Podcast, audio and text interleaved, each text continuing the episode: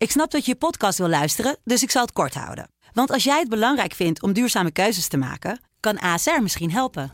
Nou hoor ik je denken, hoe dan? Nou, bijvoorbeeld bij het duurzaam herstellen van schade. Of de premies die we beleggen volgens ons duurzaam beleggingsbeleid. Dat bepaalt waar we wel en juist niet in investeren. Wil je meer weten over welke duurzame keuzes ASR maakt? Ga dan naar asr.nl slash duurzame keuzes. ASR doet het. Zo, dan kan je nu lekker naar je podcast luisteren.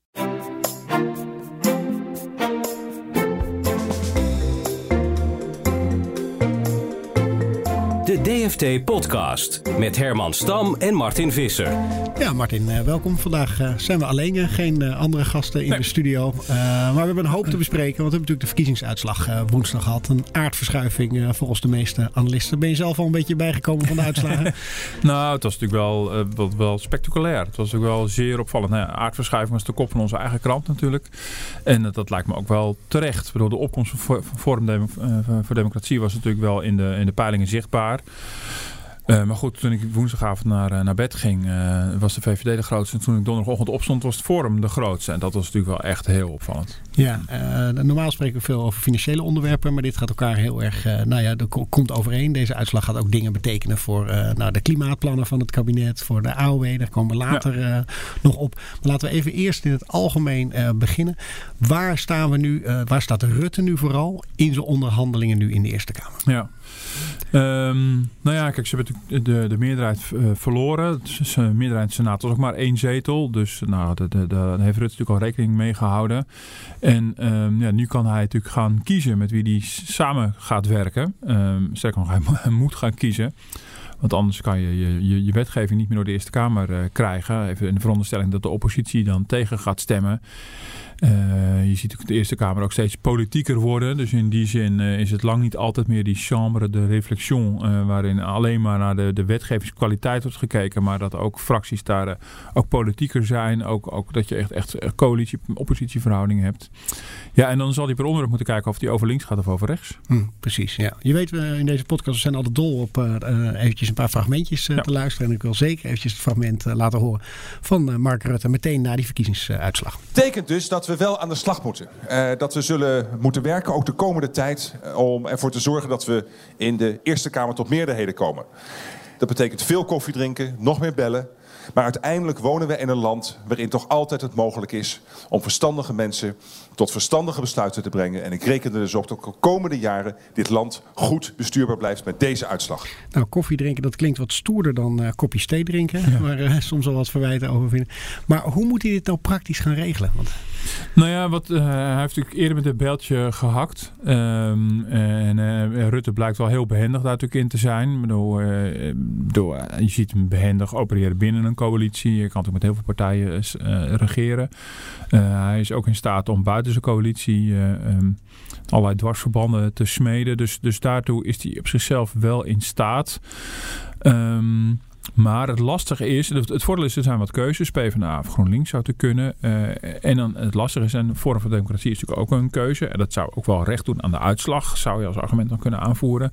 Um, maar het is even de vraag, dat zal moeten blijken, of, of, uh, of er met Forum ook afspraken te maken zijn. En wat die afspraken dan precies zijn. En of, en of het Forum van Thierry Baudet er ook behoefte aan heeft. Want ik kan me ook voorstellen dat Thierry Baudet uh, nu vooral bezig gaat met de volgende landelijke verkiezing voor de Tweede Kamer. En dan heeft heeft er misschien niet zo heel veel belang bij om hele moeilijke compromissen te sluiten. Mm -hmm. En in dat geval um, wordt Rutte gedwongen om het steeds over links te doen. En de vraag is of zijn achterban dat, dat accepteert. Mm -hmm. uh, en dan laat je dus het hele rechtse blok uh, negeer je dan.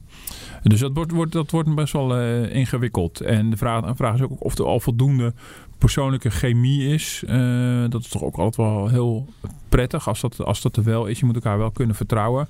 Uh, maar in ieder geval, Rutte gaat ze in ieder geval niet overleveren aan één partij. Zoveel is zeker. Hij gaat wisselende meerderheden zoeken en, en getalsmatig heeft hij die mogelijkheid ook. Ja, nou, nou was ik zelf uh, woensdagavond als verslaggever bij uh, GroenLinks.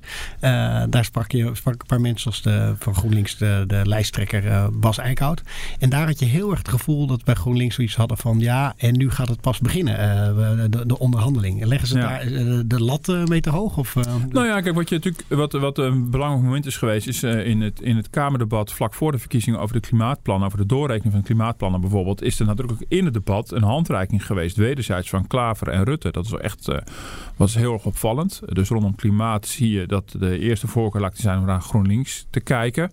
Waarbij uh, ja, de coalitie zich dan wel realiseert dat die klimaatplannen eerder verder worden aangescherpt dan dat ze worden afgezwakt. Dus die, die keuze hebben ze dan, uh, dan verder nog. Nou, met de, met de aankondiging van een CO2-heffing lijkt de coalitie daar ook wel toe bereid. Um, dat is één ding. Uh, Lodewijk Asscher, de leider van de PvdA, heeft al in veel eerdere instantie al aangegeven dat hij wil meedenken over de pensioenen. Um, het lijkt me ook, goed, daar kunnen we straks wat uitgebreider op ingaan. Sowieso raadzaam om een grote pensioenenvorming sowieso niet met een zeteltje meerderheid te willen doen. Mm. Voor mij moet je daar sowieso een heel breed draagvlak voor zoeken. Dus je ziet dat die bewegingen op zichzelf al wel worden gemaakt. En dit zijn, nou, goed, dit zijn twee echt heel majeure operaties uh, waar inderdaad een flink potje onderhandeld moet gaan worden om, uh, om, om, uh, om het allemaal tot in detail goed te regelen. Ja, hoe slim was het van Rutte om vlak eigenlijk voor deze verkiezingen te zeggen dat die energierekening toch iets omlaag gaat? Ja, dat ik denk dat het wel heel, handig was. Um, ik begreep ook bij, bij, bij VNO, bij de werkgevers, dat ze eigenlijk al een paar weken zagen aankomen dat die CO2-heffing er echt ging komen. Um, dus, dus ja, het opvallende was natuurlijk dat op de dag van de doorrekeningpresentatie uh, meteen Rutte en Wiebes aankondigden van nou we gaan de we komen met een lastenverschuiving. Minder lasten naar consumenten en meer naar bedrijven. Maar nu wordt het wel boter bij de vis. Ik heb wat, even wat zitten rekenen aan de, aan de, aan de energienota, zoals uh, het Planbureau voor de Leefomgeving, die van de week ook bekend heeft gemaakt hoe die eruit gaat zien in 2020. En als je kijkt naar de nieuwe verdeelsleutel die, die het kabinet lijkt te gaan hanteren voor, uh, voor een van de energiebelastingen waar ze, waar ze mee gaan sleutelen, ja, dan schiet het ook niet heel erg op. Dat lijkt nog wel echt tientjeswerk wat ze dan gaan schuiven. Dus, dus, dus daar zijn ze ook nog wel even mee zoet in april. Ja, het is voor het eerst dat zo'n niet gevestigde partij uh, zo groot wordt. Ja. Wat zegt dat ook voor, uh, je hebt veel contacten met bedrijfsleven, VNO, NCW en de vakbonden. Wat zegt dat voor hun? Want ze zijn natuurlijk heel erg gewend om met die gevestigde partij ja. altijd te onderhandelen. Wat gaat dat doen voor die Nou, het is voor VNO en NCW bijvoorbeeld wel ingewikkeld. Ik ga even voor het uit te leggen. VNO NCW, um, um, ja, misschien zullen heel veel mensen denken, nou die zit ongeveer op schoot bij de VVD. Maar dat is niet hun manier van werken. Traditioneel is hun manier van werken om met zoveel mogelijk politieke partijen contact te hebben. Um, zij uh, hebben uh, een lange termijn uh, blik. Dat hebben ze in ieder geval van ouds altijd. Ik weet niet of, of het onder de huidige leiding ook altijd helemaal slaagt. Maar in ieder geval, dat is wel de, de, de filosofie bij VNO-NCW. Dus wat VNO-NCW heel sterk doet is uh, niet alleen contact onderhouden met coalitiepartijen, maar ook met belangrijke oppositiepartijen. Um, uh, dat wordt ook altijd door die Kamerleden zeer op prijs gesteld. Ik bedoel, je wordt ook gezien door de werkgeverslobbyist als je een poosje in, uh, in, in de woestijn zit, zeg maar, van de oppositie. Mm-hmm. Um, die contacten met Wilders waren altijd wat moeilijk. Uh, die zijn wel geprobeerd om die te onderhouden. Maar de contacten met Forum zijn er nog bijna niet. Mm. Begrijp ik uh, bij, bij, de, bij de werkgevers. Dus dat is wel een lastig. Dat moeten ze nog helemaal gaan opbouwen. Dus mm. ze, hebben prima lijntjes met, met de PvdA en met GroenLinks. Um, dus, dus dat is er allemaal wel. Maar Forum is voor hun natuurlijk ook heel belangrijk. En het zou me niet verbazen als het toch een aanzienlijk deel van hun achterban, zeker de MKB-achterban, schat ik zo in, ook voor Forum heeft gestemd. Dus ja. daar zullen ze fors in moeten gaan investeren. Ja, weet jij bij wie je bij Forum moet opletten wat een beetje de economische kanonnen in de partij zijn? Nee, nog helemaal geen idee. Dat is ook een beetje het punt. Kijk, we hebben natuurlijk uh, Thierry Baudet en Theo Hiddema natuurlijk de, de, afgelopen periode heel veel gezien. Ze hebben natuurlijk opvallende media-optredens gehad, vooral, uh, vooral uh, Baudet. Um, en van een paar grote thema's weten we wel waar, waar de partij staat ongeveer. Rondom immigratie, uh, met name rondom Europa, rondom klimaat. Um, maar er zijn ook tal van, van onderwerpen waar we dat nog helemaal niet precies weten. Hoe ze gaan acteren op de pensioenen. Ik zag dat er een motie voorbij kwam in de Kamer over het voorkomen van kortingen. Het, het, het, onder, onder elk beding en desnoods aan de rekenrente te sluiten, zoiets. En daar, was, daar, daar zit Forum van Democratie ineens weer in de SP 50-plus hoek. Mm -hmm. Maar hoe zich dat precies gaat ontwikkelen, dat is, uh, dat is, ja, dat is voor de, nou, de gevestigde orde, om het maar even zo te noemen, in Politiek Den Haag ook ingewikkeld. Dat zal voor VNO om te lobbyen ook wel lastig uh, zijn. Het is natuurlijk een partij die nog volop in ontwikkeling is ja. en steeds thema's kiest. En um, uh, ja, ik vond ook het portret wat, wat, uh, wat, wat, onze collega's in Den Haag schreven deze week over Thierry Baudet ook in die zin heel, heel uh, wel heel scherp, waar ook een aantal voorbeelden werden aangehaald. Hoe, hoe Baudet bijvoorbeeld met die actie van een tijd geleden alweer met, met het scherfvest. Uh, op een gegeven moment ook, ook uh, heel erg populair werd onder militairen. Uh, toen het ging over ondeugdelijk materiaal. Of op een ander moment zich ineens mengde in het pulsvisserijdebat. Mm um, uh, terwijl die arme, al, die andere arme Kamerleden waren allemaal op werkbezoeken geweest. Hadden zich technisch verdiept in de pulsvisserij. Maar Baudet wist gewoon met een paar stevige one-liners ook ineens de Urke vissers achter zich te krijgen. Ja, ja dus, dus, dus in die zin kristalliseert zijn, zijn, zijn beleid zich of zijn, zijn, zijn standpunt op heel veel terreinen nog helemaal uit. En dan moet nog blijken wat, wat, wat daar te halen valt voor een lobbyist of voor een, voor een coalitie. En als jij hem analyseert, hoe zou je hem duiden vooral e- op, op economisch gebied? Ja, nou, ik denk dat hij um, um, um, uh, op de een of andere manier. Um, we hebben natuurlijk al vaker in de podcast en in de krant ook wel gehad over de sluimerende onvrede. Uh, nou, de vraag is of die al heel sluimerend is in, in Nederland. Het speelt Europa breed overigens.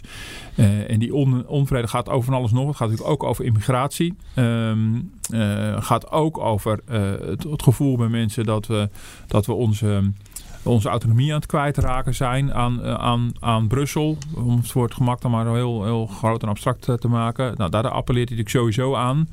Maar tegelijkertijd zijn natuurlijk het afgelopen jaar voldoende dingen gebeurd waar, waar, waar mensen terecht boos over zijn. Het hele gedoe met de dividendbelasting is een voorbeeld. Het heeft echt een verhouding tussen, uh, tussen de maatschappij en het grote bedrijfsleven echt op scherp gezet. Uh, Rutte is daar de verpersoonlijking van geworden van die kloof. Uh, ik weet ook bijvoorbeeld bij de, bij, bij de werkgevers dat, dat ze daar danig van geschrokken zijn. Ze zijn ook druk bezig om na te denken hoe, wij, hoe zij om moeten gaan. Uh, met, met de kloof tussen het grote bedrijfsleven en, de Nederlandse samenleving. Dus dat is een sentiment waar hij uh, ingesprongen is, uh, denk ik. Ja, en heel, echt heel, ja, als je gewoon puur naar de portemonnee kijkt, hebben we het natuurlijk vaak al gehad over, over de achterblijvende koopkracht. En het gevoel van mensen, niet alleen het gevoel, maar ook de feiten dat, dat uh, de grote bedrijven uh, al lang geprofiteerd hebben van de economische meewind en heel veel mensen nog niet. Ja. En ja, ik heb van hem niet per se kant-en-klare oplossingen gehoord, maar ik denk wel dat hij mede appelleert aan al die vormen van onvrede. En, um, uh, en de vraag is of hij daar een antwoord op kan geven. Maar hij geeft in ieder geval een stem daaraan. En hij verzet zich tegen de, nou, de, de politieke elite, zoals hij dat dan uh, natuurlijk zelf noemt. En, um, uh, ja, en is hij dus ook een soort redelijk alternatief geworden voor, voor Geert Wilders, denk ik. Ja. En dan speelt natuurlijk nu ook nog de, de, Europese verkiezingen in mei. Hè? Ja. Nou, hij zit in een, winning mood. Ja. Is ook iemand die een brexit ondersteunt. Inmiddels is daar nu nog steeds geen beslissing over. Nee. Gaat dat ook op economisch gebied nu nog spelen? En zijn er ook meer angsten van VNO dat hij daar meer, meer over te zeggen krijgt? Ja, nou misschien. Nou, ik, denk, ik, ik denk in die zin niet. Dat, wat, wat altijd een beetje ingewikkeld is met, die, met de eurokritische politici in Nederland... is dat dat boort wel een bepaald sentiment aan... Maar vervolgens blijkt wel dat echt een groot, grote meerderheid van Nederlanders uiteindelijk gewoon voor deelname aan de Europese Unie is. Ik bedoel, uh, overigens speelt dat in meer landen waar aan de ene kant wel heel veel kritiek is op Europa. Maar er geen overtuigende meerderheden zijn om eruit te stappen of iets dergelijks. Je zag ook wat worsteling met, uh, met hun voorstel voor de Nexit. Daar waren ze wat, wat dubbelhartig in.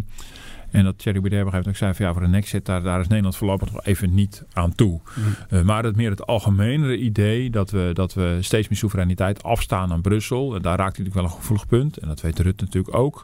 Maar Rutte is inmiddels natuurlijk al een paar maanden de, de draai de andere kant op aan het maken. Die stelt, stelt zich steeds eurogezinder op. Uh, uh, VNO-NCW overigens ook de werkgevers hebben daarover een interview gegeven.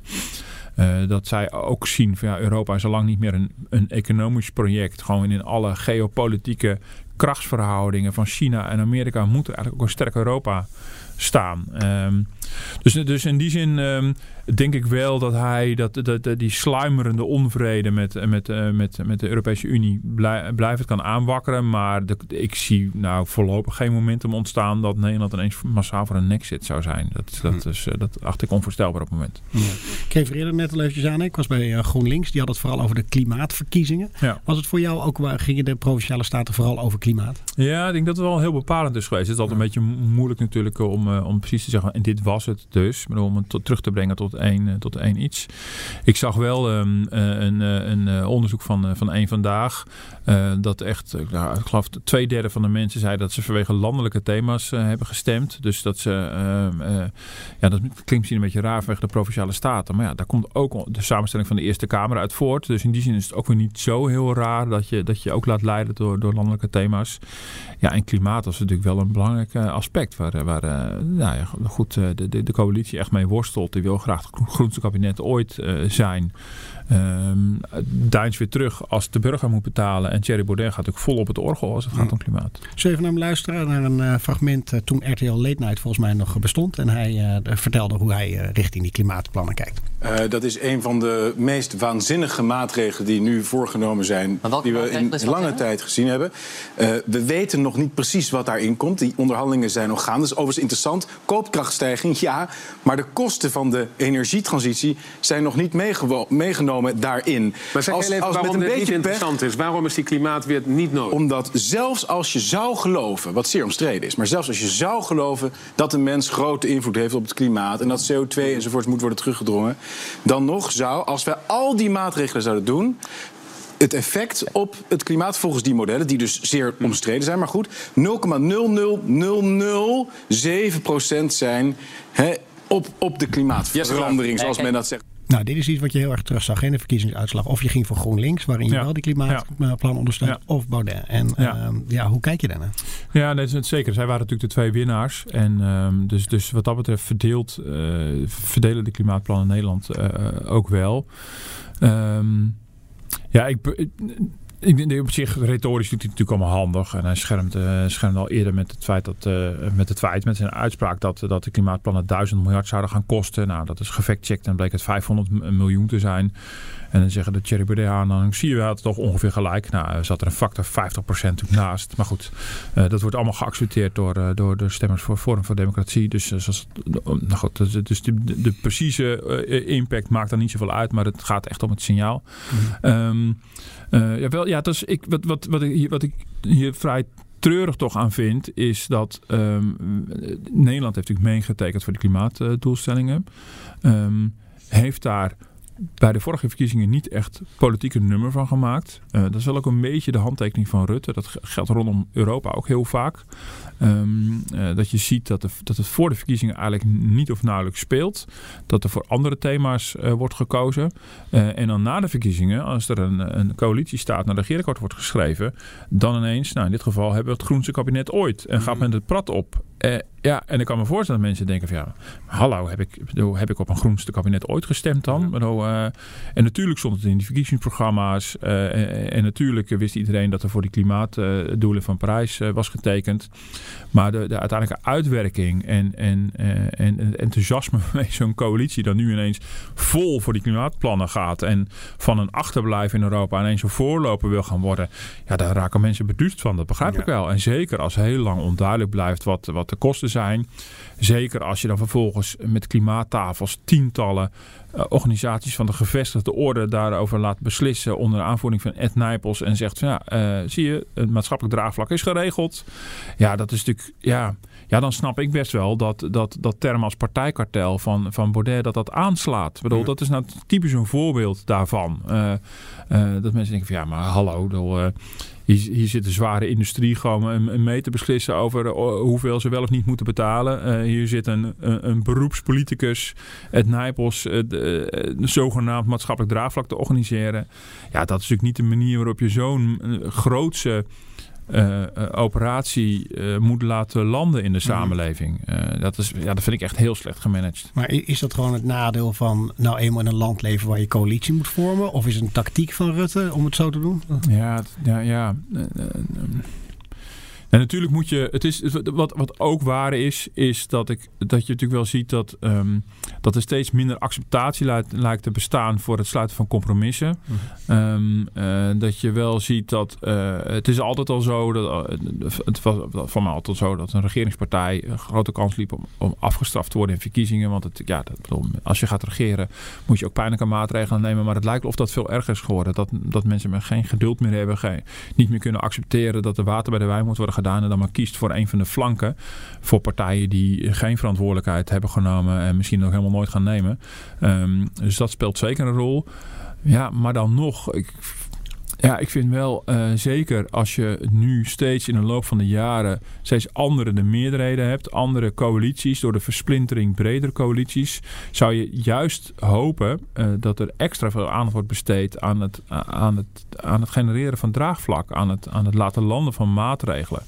Um, ja, waarom, waarom is Rutte na de verkiezingen ineens zo'n fan van de Europese Unie en niet ervoor? Ja, ik kan het wel verklaren, want dan is hij bang dat hij geen stemmen krijgt. Maar, maar de afrekening komt uiteindelijk toch. Uh, het is een soort uitgestelde afrekening. Ik denk dat we daar een voorbeeld van hebben gezien deze week. Ja, en die uh, klimaatplannen zelf. Hè? Je hebt een uh, groot interview nu met een professor uit Tilburg, ja. ook over die CO2-heffing. Hoe staan we ervoor? Want ik denk dat mensen een beetje de draad kwijt zijn van ja. wat komt er nou dit jaar, wanneer komt wat? Ja, nou die CO2-heffing die is natuurlijk aangekondigd op de dag van de publicatie van de doorrekeningen. Uh, eh, CO2-heffing is iets wat, wat nou, nagenoeg alle economen zeer voor zijn. Omdat je op die manier echt gaat belasten bij de bron. Dus het mantra de vervuiler betaalt, doe je het beste recht met zo'n CO2-heffing. Het plan is om, om de zware vervuilende industrie, dus moet je denken aan de Tata en Shell en BP, dat soort bedrijven, om die, om die te, bovenop de Europese prijs die op staat voor CO2 in Nederland extra te gaan, laten betalen voor CO2-reductie de precieze plannen worden pas eind april bekendgemaakt. Het kabinet wil een verstandige CO2-heffing. in het woordje verstandig ga je al, hoor je al dat er een compromis gevonden moet gaan worden. Dat mag ook geen banen kosten, maar het moet wel weer effect hebben. Um, dus dat zal vermoedelijk iets zijn wat geleidelijk gaat. Bedoel, het klimaatbeleid is ook niet iets wat morgen gerealiseerd hoeft te worden. Je kan ook niet de industrie ineens confronteren met een enorme belasting morgen. Dat zou heel slecht zijn. Dus dat zal geleidelijk moeten. Dus er wordt gezocht naar een compromis van hoe hoog moet die heffing zijn. Um, wie vallen er allemaal precies onder? Um, wanneer wordt die uh, ingevoerd? Um, de, hoe wordt het geld wat, wat het opbrengt weer teruggesluist? Gaat het naar diezelfde zware industrie of gaat het naar alle bedrijfsleven of gaat de consument mee profiteren? Dat moet allemaal nog bedacht worden in relatief, uh, relatief uh, korte tijd. En dan komt tegelijkertijd uh, moet onder belofte worden gestand worden gedaan dat er iets aan de energiebelasting van consumenten uh, wordt gedaan. Ja. En die werkgevers zeggen eigenlijk van ja, je kan het wel doen als Nederland, maar en, uh, ze verplaatsen een fabriek naar België ja. en dan heb je evenveel vervuiling en dan ben je banen kwijt. Precies, nou, dat, dat, die redenering klinkt vrij, vrij logisch. Hans de Boer zei bij ons in de krant ook dat hij vond het een gevaarlijk spel wat de politiek nu aan het spelen is. Um, um, die, die, die Tilburgse hoogleraar die, die ik gesproken heb, Rijer Gerlach, hij is klimaateconoom, hij zegt een econoom, hij zit niet in, in, in hij is geen klimatoloog, maar hij kijkt economisch naar. En daarom vond ik het voor, voor onze financiële pagina stuk interessant. Die, uh, die zegt ook nou, Nederland heeft natuurlijk van ouds als, als, uh, als gasproducent ook echt wel een relatief lage energieprijs gehad. We hebben dus in verhouding heel veel energie-intensieve industrie in ons land. Uh, ja, en die, die, die, tijden veranderen nu. De gaskraan gaat dicht, dus de gasprijs gaat omhoog. Um, Nederland had al in verhouding met andere landen een lage energieprijs. Dat we daar nu een soort kop op zetten met een CO2-heffing is helemaal niet zo raar. En, en uiteindelijk zegt hij ook gewoon, gewoon, ook gewoon goed en ook niet per se slecht voor de economie. Um, maar hij, hij, erkent, en dat vind ik wel eerlijk, dat het misschien wel banen gaat kosten. Dus, dus mm. de, de, de, de, de, de belofte van een kabinet dat we met een CO2-heffing komen die gegarandeerd uh, geen banen gaat kosten. Uh, volgens hem kan je die belofte niet zomaar gestand doen. En dan is dus de vraag van, uh, moet je de bedrijven beschermen om wie het gaat? Wat de insteek is van de bedrijvenlobby. Of moet je die mensen beschermen die mm. daar werken? Dat is natuurlijk heel makkelijk gezegd. Maar zijn insteek is van, nou, idealiter zou je die bedrijven moeten pushen om gewoon zich te vernieuwen, te moderniseren, uh, energiezuiniger te worden. Ehm, en de mensen de, waarvan eventueel de banen in gevaar komen, die moet je dan helpen naar uh, naar nieuwe soorten banen, dan wel binnen dezelfde industrie of, of, naar, of naar andere sectoren. Goed, dus ja, want, want, over wat voor soort banen heb je het? Nou ja, um, uh, je hebt natuurlijk uh, nou ja, de, de klassieke staalarbeiders. Mm -hmm. en, um, dus dus het, is, het is waarschijnlijk niet zo heel erg eenvoudig hoor. Maar, ja, ik, ik denk, kijk, dat hoogopgeleid personeel, alle ingenieurs en zo, dat komt denk ik allemaal wel op pootjes terecht. Maar gewoon mensen die, die middelbaar en lager geschoold zijn. Daarvoor zal het lastiger zijn. Je hebt natuurlijk, nou, je hebt ook nog regionale effecten. Het zit niet allemaal in de randstad. Waardoor als je zo'n lijstje kijkt van de, de 12 meest vervuilende bedrijven, of misschien wel de 300 meest vervuilende bedrijven, zijn allemaal lijstjes van. Dan kom je ook in Groningen en Zeeland uit. Dus het heeft ook wel regionale effecten. Dus het is echt wel een, een harde dobber hoor. En ik, ik snap de economische logica van die CO2-heffing volkomen. Uh, dat is, nou, ja, ik ben zelf econoom. Dat is gewoon een hele logische redenering. Uh, zet een prijs op vervuiling en je stimuleert bedrijven om minder te gaan vervuilen. Um, uh, maar ja, het eindplaatje is logisch. Uh, maar hoe kom je daar? En, en, en wie, wie zijn daar in, in de tussentijd de slachtoffer van? Dus dat is nog niet zo heel erg eenvoudig. Mm. En ik kan me niet voorstellen dat Mark Rutte uh, en het kabinet het, het aan zal durven. Het risico dat de bedrijven echt gaan sluiten of omvallen of vertrekken. Mm. En dat is, ja, Economische Zaken heeft een onderzoek laten doen door PBC, het adviesbureau. En die zeggen ook, ja, er is wel een risico van weglek. Dan wel van, van bedrijvigheid, dan wel van de vervuiling. Ja. En, uh, dus je moet, uh, dat wordt nog heel behendig opereren. Maar ik, ik denk dat, uh, dat de bedrijvenlobby er niet aan ontkomt. Er zal zo'n vorm van CO2-heffing komen. En of die heel heftig wordt of, of heel mild, heel snel, veel geleidelijk. Dat is een kwestie van, van, van, van maatvoering. Maar dit, dit gaat er gewoon komen. En ik denk het positieve nieuws is dat je richting, richting consumenten, richting de Nederlanders, is dat je, dat je denk bedrijven een, een, een eerlijker deel van, van de klimaatkosten laat betalen. En ja. ik denk dat dat, dat dat heel goed te verkopen is. Hoe kijk, je, hoe kijk je in het algemeen eigenlijk tegenaan dat Nederland een soort de, de voorloper moet zijn ja. in soort plannen? Nou, dat vind ik dus wel een ingewikkelde. Nou, ik uh, vind het heel goed dat wij uh, natuurlijk gewoon meegetekend hebben voor, het, voor de klimaatdoelen. En ik denk ook dat het heel goed is dat we als Nederland daar een, een, een, een, een positieve rol ook in, in willen vervullen. Maar die, die enorme ambitie om ineens nu harder te willen lopen dan de rest. Ik denk van nou, ga eerst maar eens je achterstanden inlopen. En dat lijkt me al ingewikkeld genoeg. Ja, ik ben er niet helemaal zeker van. Er zou dan, dat heb ik met die, met die hoogleraar ook over gehad. Van ja, de, de gedachte is een beetje dat er voor Nederland dan een soort business case is. Van als wij harder gaan lopen, dan wordt er meer schone technologie in Nederland ontwikkeld. En nou, daar worden we dan stinkend rijk van. Ja. Nou, dat willen ze in de rest van de wereld dan overnemen. Dat willen ze dan overnemen, ja. Dat, uh, uh, ja, dat komt dan ineens. Dat, uh, goed, dat, dat hoort dan ineens bij dat groenste kabinet ooit. Nou, dat vind ik nog wel een beetje twijfelachtig. Um, dat, dat zegt die hoogleraar ook. Die zegt van ja, zegt van, ja er zijn collega's van mij die daar enorm halleluja verhalen over hebben. Ik geloof dat niet zo. Ik weet het eerlijk gezegd niet zo, zegt hij. Van, dat kan je niet zo hard maken. Uh, zeker, zegt hij, uh, is bewezen uit allerlei onderzoek dat als je, uh, als je vervuiling gaat beprijzen, op wat voor manier dan ook, als je, als je bedrijven via belastingen of op, op andere manieren echt gewoon dwingt om schoner te worden, dan zie je ook dat het effect heeft. Er wordt dan gemeten voor patenten er zijn bijvoorbeeld. Mm -hmm. Als de autofabrikanten via regelgeving gedwongen worden om schoner te produceren, zie je het aantal patenten van schone motoren enorm toenemen. Dus dat heeft voor de innovatie een enorm effect. Hij zegt ja, het is wel de vraag of die innovatie echt sec in Nederland blijft en of wij er dan rijker van worden. Want dat is gewoon, dat is gewoon internationaal. Uh, dus dus die, die, die innovaties worden ook elders overgenomen. Ja. Dus dat is, dat, is, dat is nog wel de vraag of, uh, of, of dat nou zo logisch is. Als je het ziet als een politieke beweging, dat Rutte zegt van oké, okay, we hebben misschien altijd heel erg lang tegengehangen. We moeten nu gewoon wat positiever erin staan. Dan snap ik hem. Maar als het betekent dat je, dat je Nederlanders ook met heel veel meer kosten gaat opzadelen. Ja, dan snap ik Thierry Boudet wel, die wel zegt van het effect is 0,000, uh, weet ik veel wat, mm -hmm. uh, niks. Uh, die redenering vind ik overigens niet opgaan voor het klimaatbeleid in zijn algemeenheid. We hebben gewoon getekend voor die doelen. En we zijn een klein land. We moeten ons kleine aandeel ook leveren. Ja. Um, dat moeten we gewoon doen. Maar harder lopen dan de rest is niet gegarandeerd een, uh, een, een winstgevend model. Ja, hoe kijk je dan bijvoorbeeld naar... In Zweden hebben ze volgens mij die CO2-heffing ja. al. En in Californië. Hoe kijk je als econoom daarna hoe dat uitwerkt daar? Ja, de interessante is in Zweden met name is het heel erg een verga meest vergaande model. In Californië bewerkt met een soort bodemprijs. Maar in Zweden, dat, daar, daar zou het meest naar kunnen kijken. Die hebben echt een CO2-heffing voor, voor alles en iedereen. Dus ook voor consumenten. Dus, dus, uh, dus dat is niet alleen sector, zware industrie. Um, maar bij Zweden is het wel een echt een grote maar. Uh, de, de, de, grote vervuilende bedrijven die daar meedoen aan het Europese handelssysteem, het ETS, die zijn uitgezonderd. Want Zweden zegt ja, maar die, hebben al, die doen al mee uh, aan het handelssysteem, maar daar zit dus al een prijs op CO2. En dat is ook wel een cruciaal verschil met wat Nederland nu van plan is. Die wil een kop gaan zetten op het Europese systeem. Dus dat is wel een heel groot verschil. Dus van Zweden kan je misschien wel leren dat bedrijvigheid niet meteen wegholt en dat de CO2-emissies worden gereduceerd als gevolg hiervan. Maar ja, ik denk dat het bedrijfslobby met recht zal zeggen... ja, maar dit is wel voor ons natuurlijk een heel cruciaal verschil. Als, de, als de, de Tata's van Zweden, ik zeg maar wat... Uh, de de vat, daar Vattenfall bijvoorbeeld. Ja, dus, dus, dus als je meedoet aan het ETF-systeem... Ben je, ben je uitgezonderd, want dan word je al beprijsd. En dat is echt wel een, een heel groot verschil. In Nederland kiezen we voor iets anders. Dan doen we een kop erop en kiezen we juist voor de zware industrie... om te gaan beprijzen.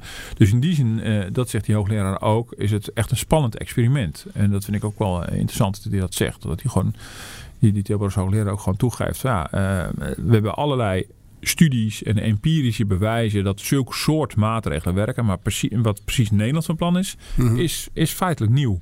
Ja. En um, ja, en dan kan ik me best voorstellen dat als jij lobbyist bent voor de zware industrie, dat je daar enorme zorgen over, over ja. maakt. De vraag is of je daar naar al die zorgen ook moet blijven luisteren. Het wordt nog een beetje een achterhoede gevecht, denk ik. Ja, in ieder geval de oproep doen van neem er wel goed de tijd voor voordat je dan... Ja, niet overhaast, want dat, is natuurlijk een beetje, dat was wel het ingewikkelde natuurlijk op de middag dat die, dit, die doorrekening werd gepresenteerd, kwam meteen dit kabinetsplan en het komt wel redelijk paniekerig over. Dat hebben we mm. niet diezelfde dag bedacht, dat is al eerder bedacht.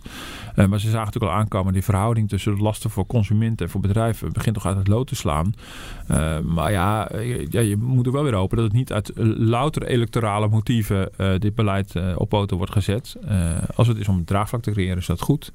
als het is omdat het economisch logisch is om, om de vervuiler te laten betalen is het ook goed. Maar nog steeds moet er wel verstandig naar worden gekeken. Maar het, het, lijkt mij, het lijkt me logisch dat de zware industrie niet kan blijven denken dat ze steeds maar weer worden uitgezonderd van allerlei maatregelen. dat, dat, dat, is, dat zou ook niet effectief zijn. Ik hoe effectief is het om, om, om, uh, om Nederlanders te, uh, in de kosten te jagen met de aanschaf van warmtepompen en dergelijke. Mm -hmm. uh, dat is echt nog een, ook nog een onderbelicht aspect in die doorrekeningen overigens. en, en tegelijkertijd de zware industrie weg te laten komen. Bedoel, wat, bedoel, ja, dat is ook niet een effectieve manier om die klima klimaatdoelen te halen. Ja. Het klimaat was een van de grote thema's hè, voor de verkiezingen. Ook de pensioenen, al was dat wel iets meer onderbelicht. Maar je had natuurlijk demonstraties van ja, uh, 50 plus probeerde een soort pensioenreferendum van te maken. Nou, dat is dan niet helemaal gelukt. Want 50 plus is er niet helemaal lekker uitgekomen. Maar dat is wel één grote andere actualiteit. Waar tegen de context waar tegen de verkiezingen zich afspelen. Ja. Ja, ja, ik wil het eventjes meer over die pensioenen nog hebben. Maar eerst even een fragment luisteren uit onze eigen podcast. Toen we een interview hadden met minister Wouter Koolmees van Sociale Zaken. En dit over de pensioenen zijn. Ik hoop zo snel mogelijk. Uh, vorige week maandag waren hier in, de, in de, de hal van het ministerie... Uh, uh, waren politievakbonden aan het staken. Uh, die gaven ook... Gerrit van den Kamp, de voorzitter van de politievakbond, gaf ook aan... De vakbeweging is nu bezig met acties.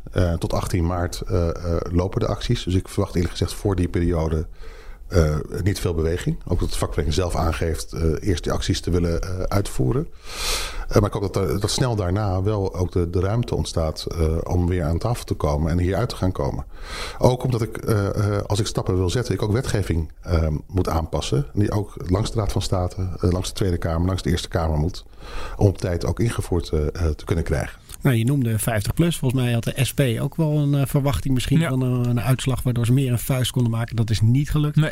Uh, maar wat gaat dit nu betekenen voor uh, Wouter Koolmees en ja. de pensioenplan? Nou, wat je natuurlijk hoort is dat hij natuurlijk al zegt van nou oké, okay, we doen twee dagen voor de verkiezingen zijn er nog acties. Dus tot de verkiezingen gebeurt er eigenlijk niks. En hij suggereert een beetje na de verkiezing wordt alles anders. Dan, dan zijn de vakbonden weer als een was in mijn handen. Nou, dat zegt hij natuurlijk niet. Maar, maar in ieder geval dan, dan de vakbonden realiseren zich, dan ontstaat een nieuw politiek momentum. Nou, die inkleuring hebben we dus nu. Uh, ja, wat, je, wat we aan Forum hebben wat betreft de pensioenen, dat is eigenlijk een beetje onduidelijk. Ik denk dat daar ook niet naar gekeken zal worden. Um, positief voor Koolmees is dat de SP en 50PLUS uh, het uh, niet zo best hebben gedaan. Dus, dus die druk zal wat minder zijn. dus kan hij zich volledig richten op PvdA en GroenLinks. Um, de vraag is nu een beetje um, hoe de FNV de geest weer in de fles krijgt. Han Buske, de voorzitter, heeft die geest ook uit die fles gelaten door, uh, door mensen te laten staken. Op uh, afgelopen maandag uh, is natuurlijk actie gevoerd in het OV en vervolgens echt ook gestaakt in een aantal sectoren. Mm. mensen hebben daar verwachtingen bij gekregen. Ehm, nou, ik had een Tuur Elsinga. Wat ook wel een beetje ondersneeuwd natuurlijk door de, door de schietpartij. Ja, zeker. Ja. Ja, ja, ja dus, uh, dus, dus de aanslag heeft, heeft publicitair natuurlijk die zaak natuurlijk geen goed gedaan. En maar goed, ja, ja, zo gaan die dingen. En dan is het voor FNV ook logisch dat je op een gegeven moment dan ook uh, zegt, nou, gezien de omstandigheden... Hmm. Um, en zeker voor politiebonden, uh, ja, blazen nu de boel af. Maar laat onverlet dat Koolmees natuurlijk wel degelijk weet wat de achterban van de vakbond wil. En Ture Elsen gaat de pensioenonderhandelaar van de FNV heeft ook nou ja, goed, aan onze kant ook nog eens een keer extra gezegd. Ik heb gevraagd van wat, ja, wat moet er op tafel liggen? Wil, minstens op tafel liggen, wil je überhaupt weer komen praten? En dan blijft hij herhalen de bevriezing van de AOW-leeftijd op, op 66 jaar. Nou, is de AOW leeftijd al geen 66 jaar meer. Dus het is al, je hoort eraan dat het, standpunt al een beetje oud is. Mhm. Want per januari is uh, pensioenleeftijd 66 jaar en 4 maanden. Mhm. Dus, uh, dus in het beste geval zou je het kunnen bevriezen op 66 jaar en 4 maanden. Ik betwijfel of Kalmees daar, uh, of die daar trek in heeft.